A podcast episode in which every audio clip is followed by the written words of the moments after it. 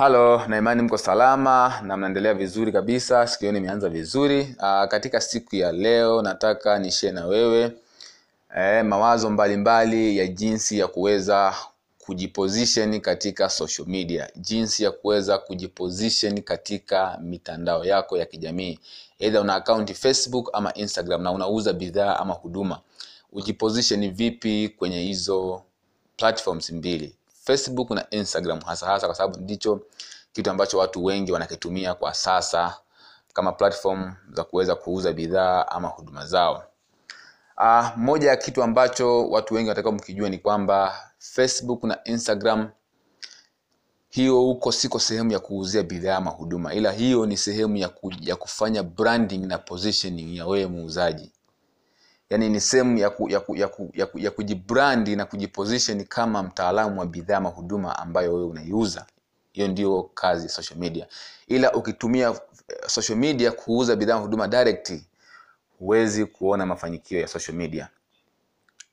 Amini facebook na instagram. Lakini ukitumia kama sehemu ya kufanya branding na sehemu ya kufanya positioning ili watu wakujue kwa kitu fulani kwamba fulani bana ni mtaalamu wa kitu fulani fulani ni mtaalamu wa kitu fulani hiyo ita, itakurahisishia sana sana sana kuuza bidhaa ama huduma yako. Sehemu ya kuuza bidhaa ama huduma ni messenger na whatsapp. Ndio sehemu ya kuuzia bidhaa ama huduma. Baada ya, ya kufanya position kwenye nini? Kwenye social media. Either ni facebook ama ni instagram. Hiyo ndio kitu ambacho watu wengi bado wana wanachanganya. Ukitangaza bidhaa zako facebook na instagram moja kwa moja watu hawatakutofautisha na wauzaji au na, ma, na machinga wa kawaida mtaani kwa sababu utakuwa unarusha una, una, una, una jiwe angani bila kuwalenga wanunuzi au walengo wa bidhaa ama huduma yako. Na kitu kingine cha msingi sana ni kwamba ukitaka kuona faida ya mitandao ya kijamii aidha ni facebook ama ni instagram usiposti matangazo ya bidhaa ama huduma yako kama yalivyo bila kufanya targeting ya wahusika au walengo wa bidhaa ama huduma yako then ukalipia tangazo lako. Usipolipia tangazo lako which means kwamba tangazo litawafikia watu ambao wanakufollow tu.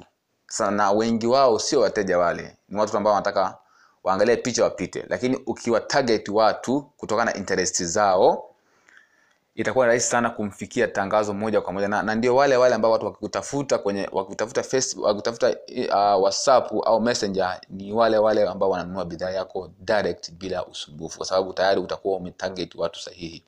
Na ukiwa target watu sahihi kuuza bidhaa ni rahisi sana ni rahisi mno. Kitu cha msingi ni kwamba ukitaka kuona matunda ya, ya facebook na instagram jifunze kusponsor matangazo yako na kufanya targeting ya matangazo kwa walengwa wa bidhaa ama huduma yako. Na ndio maana unaambia kitu cha msingi sana lazima ujue unawatarget na unawalenga wakina nani hasa. Yaani walengwa wa bidhaa ama huduma yako unaoiuza ni wakina nani. Ukishajua hilo basi targeting itakuwa ni rahisi sana kwa sababu tu unawatarget watu moja kwa moja. Kwa hiyo na tangazo lako litawafikia watu ambao ume, umewaambia facebook ama instagram wawalenge direct kwa sababu facebook wanajua exactly huyu mtu ni mtu ni mtu gani na mtu gani wanajua. Kwa hiyo wanakupromotia wanaku matangazo yako. Na jitahidi sana sana sana ukitumia dola tatu kurusha matangazo ya bidhaa ama huduma yako unaoiuza then hakikisha unatengeneza dola dola dola sita mpaka dola saba. Ukitumia dola tatu jitahidi ujitahidi jitahidi utumie utengeneze dola sita mpaka dola saba which means kwamba ukitengeneza chini ya dola tatu means kwamba umekula hasara. Umenipata hapo. Yaani ukitumia dola mbili kurusha matangazo tengeneza dola tano mpaka dola sita which means tangazo lako litakuwa limekulipa. Kwa hiyo kwa sababu kuna ongezeko la dola mbili mpaka tatu. Lakini ukitumia dola kumi alafu ukatengeneza dola sita which means utakuwa umekula hasara. Kwa sababu matangazo ni uwekezaji siyo gharama sio expense ni investment. Yani unapotangaza unapolipia matangazo ya bidhaa huduma zako kwenye mitandao ya kijamii ni unawekeza kwa sababu unataka upate faida. So hakikisha unatumia gharama ili kupata fedha. Huwezi kupata fedha kabla hujatumia gharama jamani. Na ukitaka kuona faida ya mitandao ya kijamii lipia matangazo kwa kufanya targeting. Hapo utaona faida ya tangazo lako. You see? Na kitu kingine ambacho ni cha msingi sana hapa na nikiona watu wengi sana wamekuwa wakikifanya. Iko hivi. Usitumie asilimia tisini ya akaunti yako ya facebook ama instagram kutangaza bidhaa yako. Tumia muda mwingi kwenye akaunti yako ya facebook kutoa elimu kujiposition kufanya branding ku- ku- kuweka content ambazo zitawasaidia wateja wako kufanya maamuzi sahihi juu ya kununua bidhaa ama huduma yako. Ndio maana mfano mimi ukiingia kwenye page yangu ya instagram na facebook muda ma, video zangu zote zinatoa elimu lakini hazitangazi bidhaa ama huduma inayoiuza unaweza unaweza kukuta labda katika video kumi au kumi na tano video ambayo inatangaza bidhaa yangu ni video moja tu. Lakini hizi video zote zinatoa content zinatoa elimu kwa mteja mtarajiwa kuhusu kile ambacho anakiuza.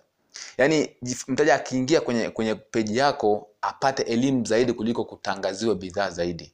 Watu hawapendi kutangaziwa bidhaa ila wanapenda kufundishwa au kuelimishwa au kupewa elimu kuhusu bidhaa ambao wanataka kununua ili wafanye maamuzi wao wenyewe juu ya kununua bidhaa ama huduma. Saikolojia ya binadamu katika, mauzo yanasema hivi binadamu hapendi kuuziwa ila anapenda kununua. Which means unavyofundisha kuhusu bidhaa yako ama huduma yako itamrahisishia yeye kufanya maamuzi ya kununua bidhaa ama huduma yako. Yaani utamsaidia yeye kufanya maamuzi haraka juu ya kununua bidhaa ama huduma. Toa elimu zaidi kuliko kuweka matangazo zaidi hiyo ndio hiyo ndio inaitwa branding and positioning. Jiposition kama mtaalam kama expert wa hiyo bidhaa unayoiuza na sio muuzaji wa bidhaa unayoiuza. Na kazia hapa kwa sababu ndipo, ndipo, ndipo siri ilipo kwenye mtandao. Kwenye mtandao ukijua tu siri hii utawini utawini utawini over. Yaani ukishajua siri hii kwamba kwenye mtandao sio sehemu ya kuuza ile ni sehemu ya kufanya branding na positioning kwa hiyo tumia muda mwingi kwenye ka- akaunti yako ya facebook na instagram kutoa elimu zaidi. Na kama kuna bidhaa zako za aina mbalimbali zichambue bidhaa toa utofauti wake ni nini bidhaa hii tofauti yani chambua bidhaa zako elimisha zaidi kuhusu bidhaa yako ambayo unaiuza kuliko kuitangaza zaidi. Kama bidhaa zako zina material fulani tofauti eh, toa tofauti kama bidhaa hii yani bidhaa zako zichambue zi, zi, zi, weka features zake benefits yani zichambue bidhaa zako ili mteja akiingia kule aweze kujua utofauti wa kila bidhaa unayoiuza kwa sababu tayari umeshatoa elimu. Ili akiingia kutafuta wewe kutaka kununua atakuwa anajua kila kitu. Kwa hiyo kazi yake itabaki ni kufanya maamuzi ya kununua basi. Hiyo ndio inaitwa uh, branding and positioning. Unakuwa expert wa kile kile unachokiuza. Aidha ikawa ni bidhaa ama ni huduma. Tumia muda mwingi kufa, kutoa content. Content wanasema content content content ask. Au give give give ask. Yaani toa toa toa then uliza toa mara kumi omba mara moja. Lakini ukiomba mara kumi alafu ukatoa mara moja huwezi kupata. You see? Na hiyo ndio siri ambayo ipo kwenye mtandao jamani. Ukifanya ukitaka ku- ku- kuwini kwenye kwenye mitandao zaidi wateja wakujua wewe kama kama mtoaji zaidi sio sio muombaji zaidi. Just give give give. Ndio maana sisi tunaingia tuna- gharama tunalipia matangazo na tunafanya free training. Kwa sababu lakini tumelipia gharama kwa sababu gani? Kwa sababu tunajiposition kama experts wa kitu ambacho tunataka kukiuza yaani positioning kwanza ndio cha msingi kwanza. People must know you lazima watu wakujue kwanza then wakupende na wakuamini ndipo wanunue bidhaa. Lakini unapouza bidhaa moja kwa moja tu mtu ha- hajapata nafasi ya kukujua vizuri hajapata nafasi ya kukuamini na haja- haja- hajakupenda pia. Kwa hiyo hawezi akanunua bidhaa obvious. Kwa hiyo itakuwa ni ngumu sana kuweza kuuza bidhaa yako. Lakini ukijiposition eh, na ukatoa content zaidi kuliko kuomba zaidi ushangaa unauza tu. Kitendo cha kuuza kinakuja tu chenyewe endapo utajiposition vizuri you see? Na sehemu ya kuuza sehemu ya kuuza ni, ni, ni, ni, ni, whatsapp na, na kwenye message au au simu direct lakini sio kwenye mtandao wa kijamii. Mtandao wa kijamii kule tunasema ni mgodini. Unaenda kuchimba dhahabu unaenda kuchimba dhahabu. Lakini dhahabu una- una- unakuja kuiuzia wapi?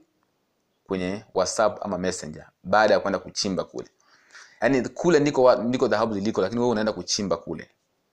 You see yani unaenda kuchukua watu unawaweka kwenye kijiwe chako either, ikawa ikawa ni telegram au ni au, au ni whatsapp. Sasa whatsapp. Whatsapp ndio iko iko iko, iko active zaidi kuliko telegram. Then watu huko unawapa content content then baadaye una, unafanyaje? Unatangazia ofa yako then wananunua yani ni, ni kitu ambacho ukikifanya vizuri kwa ufasaha zaidi utapata matokeo makubwa sana ya bidhaa ama huduma. Ila watu wengi navyoona ni kwamba wanafanya wanatumia sana platform za facebook na instagram ku- ku- kutangaza zaidi bidhaa kuliko kutoa content na elimu zaidi kuhusu bidhaa ambazo wanaziuza ndio maana inakuwa ni vigumu watu kutafuta kwa sababu muda mwingi akiingia kwenye peji yako anakuta unatangaza bidhaa tu lakini hapati elimu yoyote na ajifunzi kitu chochote kwenye kwenye peji yako. Lakini unavyotumia muda mwingi kutoa content kutoa elimu kuhusu bidhaa na huduma yako na mtu akiingia ana, anapata elimu ya bure kabisa hiyo inajenga kukuamini na anakupenda pia na anahitaji bidhaa yako endapo atafanyaje atahitaji. Lakini anapo anapoingia anakuta umeweka matangazo yote inamdiscourage kuweza kununua bidhaa ama huduma. You see kwa hiyo jitahidi kufanya positioning vizuri kwenye social media. Aidha ukawa unauza bidhaa ama huduma toa zaidi content toa elimu zaidi toa wanasema give value more than you ask. Yaani toa thamani zaidi kuliko unavyo unavyoomba. Toa elimu toa elimu kama unaiuza bidhaa ama huduma yako ijue bidhaa yako vizuri zaidi ili ukiielezea pale mteja aweze kuona utofauti na aweze kujua jamaa anaijua bidhaa anayoiuza. Hapo ndipo imani inapoijia sasa. Mtu akiona unaijua bidhaa unayoiuza anakuamini. Si kwa hiyo hicho ndicho kitu ambacho unatakiwa ukifanye. Position kwanza then branding kwanza. Na una- una- elimu na una unaua ushindani obvious kwa sababu kama kuna watu ambao muda wote wao wanatangaza lakini wewe unatoa elimu. Obvious watu watakuja kwa mtu anayetoa elimu kuliko kuliko anayefanyaje? Anayeuza bidhaa kwa sababu watu hawapendi kuuza lakini wanapenda kununua. Kwa hiyo kujiposition na kutoa elimu zaidi inakufanya utengeneze mkakati wako wa blue na kutoka kwenye mkakati wa bahari nyekundu. Kwa sababu uh, ume, ume, wanasema ume, ume innovate value. Yani umevumbua uthamani zaidi kuliko unafanyaje unavyouza zaidi. Kwa hiyo leo nataka nishie na wewe hicho kama kuna kitu ambacho bado hujakielewa basi utaniuliza. Lakini cha kukazia ni kwamba hakikisha unalipia matangazo yako na hakikisha kwenye peji yako yanajaa masomo au mafundisho zaidi kuliko matangazo zaidi. Kwa hiyo utaona matokeo kwa muda mfupi sana kutumia njia hiyo. I'm telling you trust me njia ni very very very powerful. Kwa hiyo itakusaidia sana kuweza kufanya vizuri kwenye kuuza kwenye mtandao